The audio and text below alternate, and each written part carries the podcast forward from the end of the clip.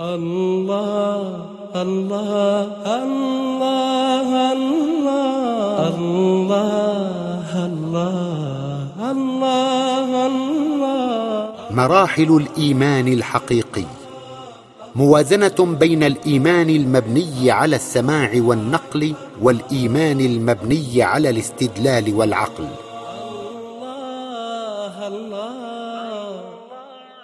أما وقد أجبتك على سؤالك.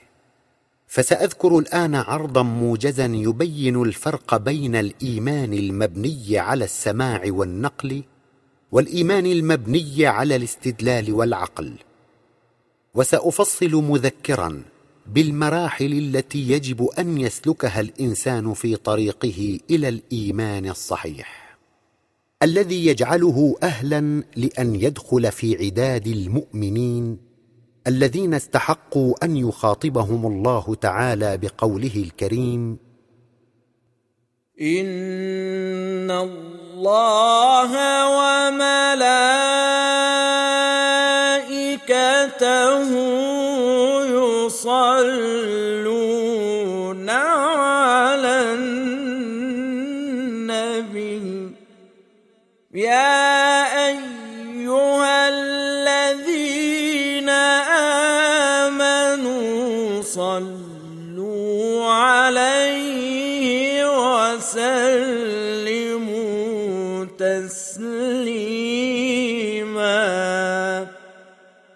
فأقول ليس المراد بالإيمان الذي عنته الآية الكريمة السابقة وذكره الله تعالى في كتابه الكريم في مواضع عدة ذلك الإيمان الذي يتناقله السامع عن محدثه ويتلقاه الطالب عن كتابه ومعلمه ويتوارثه الولد عن أمه وأبيه.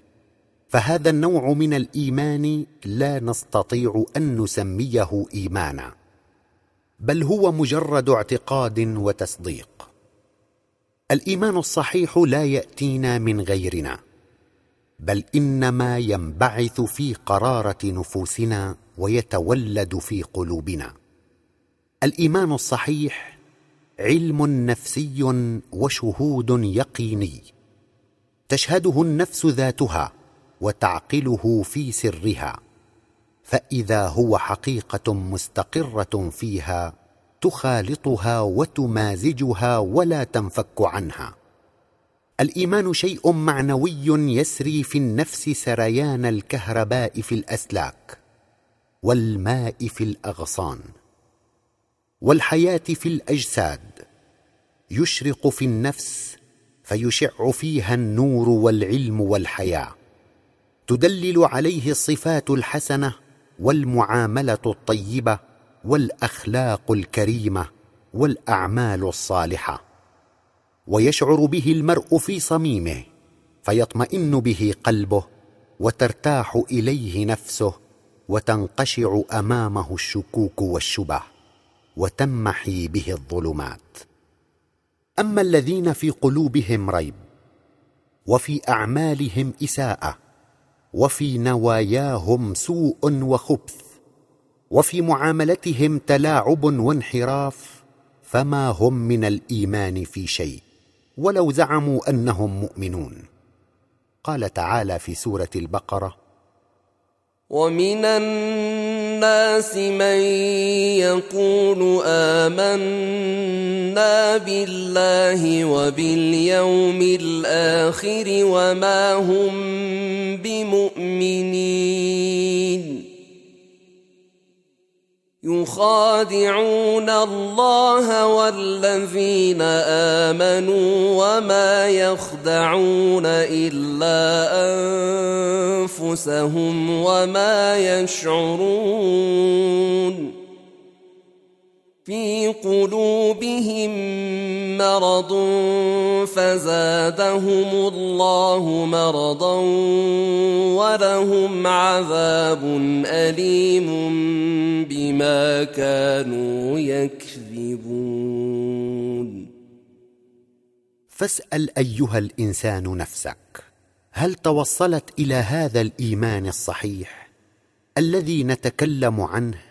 وهل هي تابعت خطواته ومراحله واحدة إثر أخرى؟ فإن فعلت فاطلب منها أن تذكر لك هذه المراحل وتعددها وتبين لك الطريق التي سلكتها. وإن لم تفعل فاستمع إلي أرشدك. وما عليك إلا أن تسلك الطريق بذاتك وتتعرف إلى مراحله واحدة بعد واحدة. فأقول مراحل الإيمان الثلاث. للإيمان مراحل ثلاث. اولا إن أول ما يجب أن يبدأ به الإنسان أن ينظر في نفسه ويتفكر في ذاته مما خلق. وكيف تكون في بطن أمه حتى صار انسانا سويا. وعليه أن يتابع بفكره الأطوار التي تنقل فيها والمراحل التي مر عليها. فمن نطفة إلى علقة ومن علقة إلى مضغة ومن مضغة إلى إنسان سوي كامل الهيئة تام التركيب. يحار الفكر في كمال صنعه. ويقف حائرا أمام عظمة كل جهاز من أجهزته وحاسة من حواسه. ولا يسعه إلا أن يخر ساجدا لعظمة تلك اليد التي عملت في تكوينه وإحكام صنعه. فإذا نظر في نفسه هذه النظرات لما كان جنينا وأتبعها بنظرات أخرى تدور حول أيام طفولته الأولى مولودا صغيرا. يوم كان يأتيه الغذاء من ثدي أمه لبنا سائغا. كامل التركيب كافي المقدار. منظم المعايير متوافقا في نسبته الغذائية مع تدرجه في النمو يوما بعد يوم على حسب ما يتطلبه جسمه. ويحتاج إليه. أقول إذا نظر الإنسان إلى نفسه هذه النظرات وفكر هذا التفكير وتابع ذلك وتوسع فيه فلا شك أن تفكيره هذا يرشده ويهديه إلى أن هنالك يدا عظيمة صنعته وخلقته وعنيت بتربيته. منذ أن تشكل وخرج إلى هذا الوجود وهي ما تزال مستمرة العناية به قائمة بالتربية عليه. إن هذه النظرات في البداية وفي أصل التكوين لها أثرها. لا بل عليها يتوقف الإيمان بالمربي. ومن لم ينظر هذه النظرات في أصله ومن لم يتعرف إلى بدايته فما هو من الإيمان اليقيني بربه في شيء؟ قال تعالى معرفا إيانا بطريق الاستدلال على معرفة المربي بما أشارت إليه الآيات الكريمة في سورة عبسة. قتل الإنسان ما أكفره من أي شيء خلقه. من نطفة خلقه فقدره ثم السبيل يسره ثم أماته فأقبره. وقال أيضا سبحانه وتعالى في سورة الطارق فلينظر الانسان مما خلق خلق من ماء دافق يخرج من بين الصلب والترائب.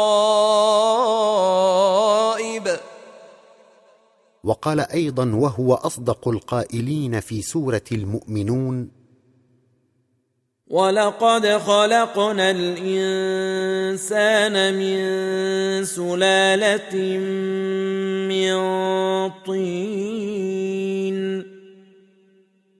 ثم جعلناه نطفه في قرار مكين ثم خلقنا النطفه علقه فخلقنا فخلقنا العلقة مضغة فخلقنا المضغة عظاما فكسونا العظام لحما ثم أنشأناه خلقا آخر فتبارك الله أحسن الخالقين. ثانيا أما وقد عرف الإنسان خالقه ومربيه؟ ونظر في بدايته وتبدت له عظمة ربه. فلا شك أن ذلك يقوده إلى التوسع في التفكير وينتقل به إلى النظر في نهايته كما نظر في بدايته فيتساءل في نفسه ما بال فلان قد قضى نحبه ومات وما بال فلان لم يطل به أمد الحياة. وأين فلان وفلان؟ وما بقي لهؤلاء الذين فارقوا هذه الحياة من العز والسلطان؟ وأين هم من متع الحياة وشهواتها وجميع ما فيها من ملذات؟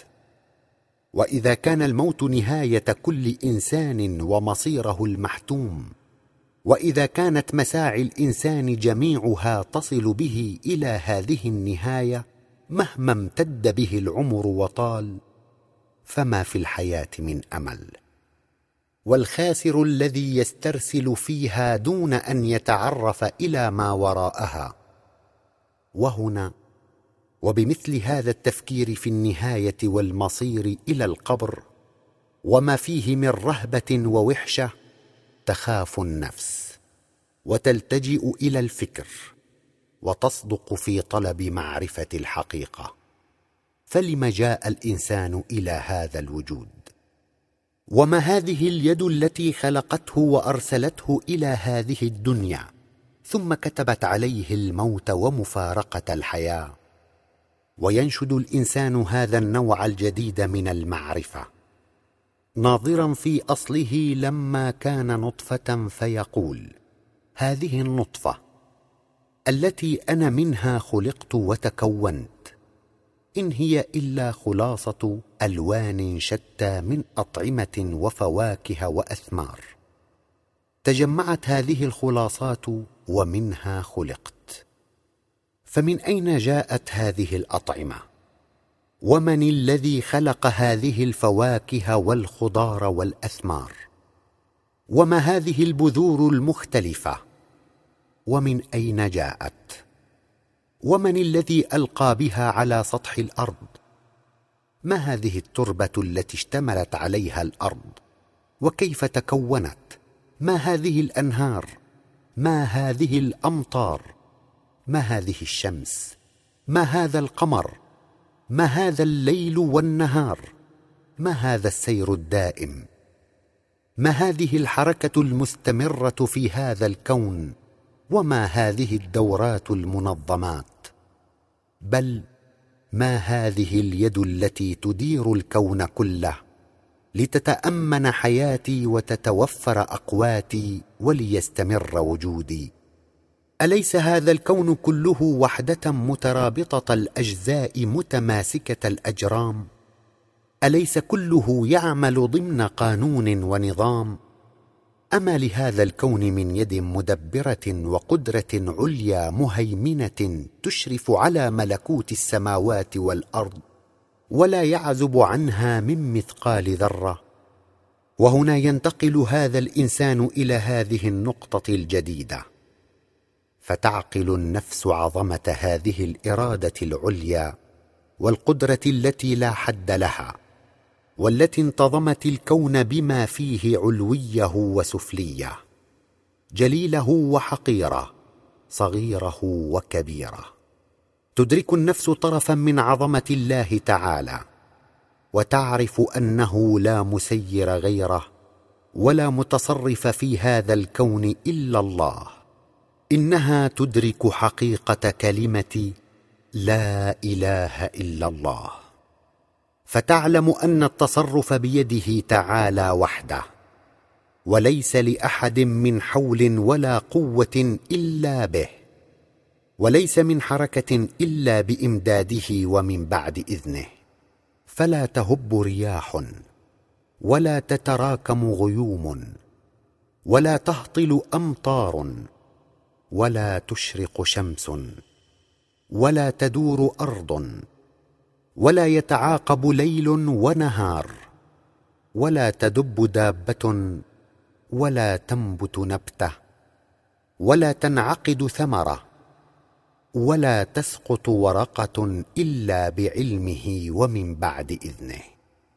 ويتسع أفق التفكير لدى هذا الإنسان فيرى أن اليد لا تتحرك حركة وأن الرجل لا تنطلق خطوة والعين لا تطرف طرفه والأذن لا تسمع همسه واللسان لا ينطق ويلفظ كلمة إلا بإذن الله وبحول منه وقوة. يدرك هذا الإنسان ذلك كله عن طريق العقل لا لمجرد السماع والنقل. وهنالك تدخل النفس في حصن الاستقامة الحصين. فتجد أن الله تعالى معها ومشرف عليها بل هو الممد لها في كل لحظة وحين لا يحول ولا يزول. فحيثما حل هذا الإنسان وارتحل وأينما سار وانتقل وكيفما نظر وأن اتجه يرى الله تعالى معه وأنه شاهد عليه.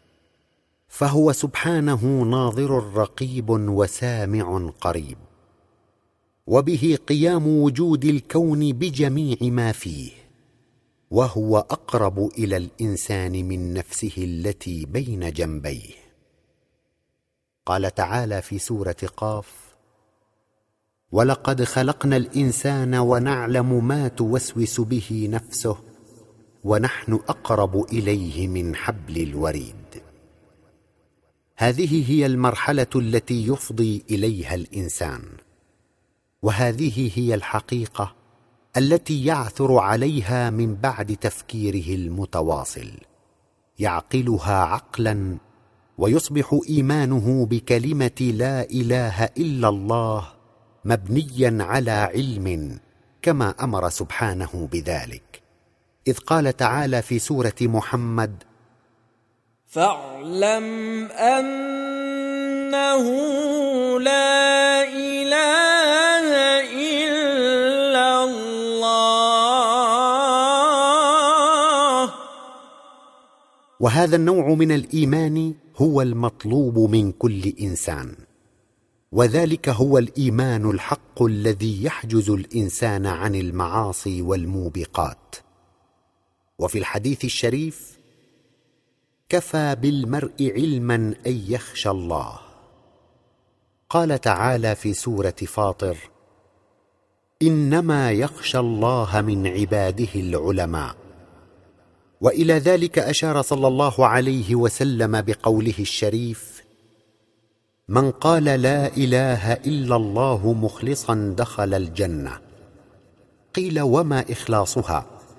قال أن تحجزه عن محارم الله.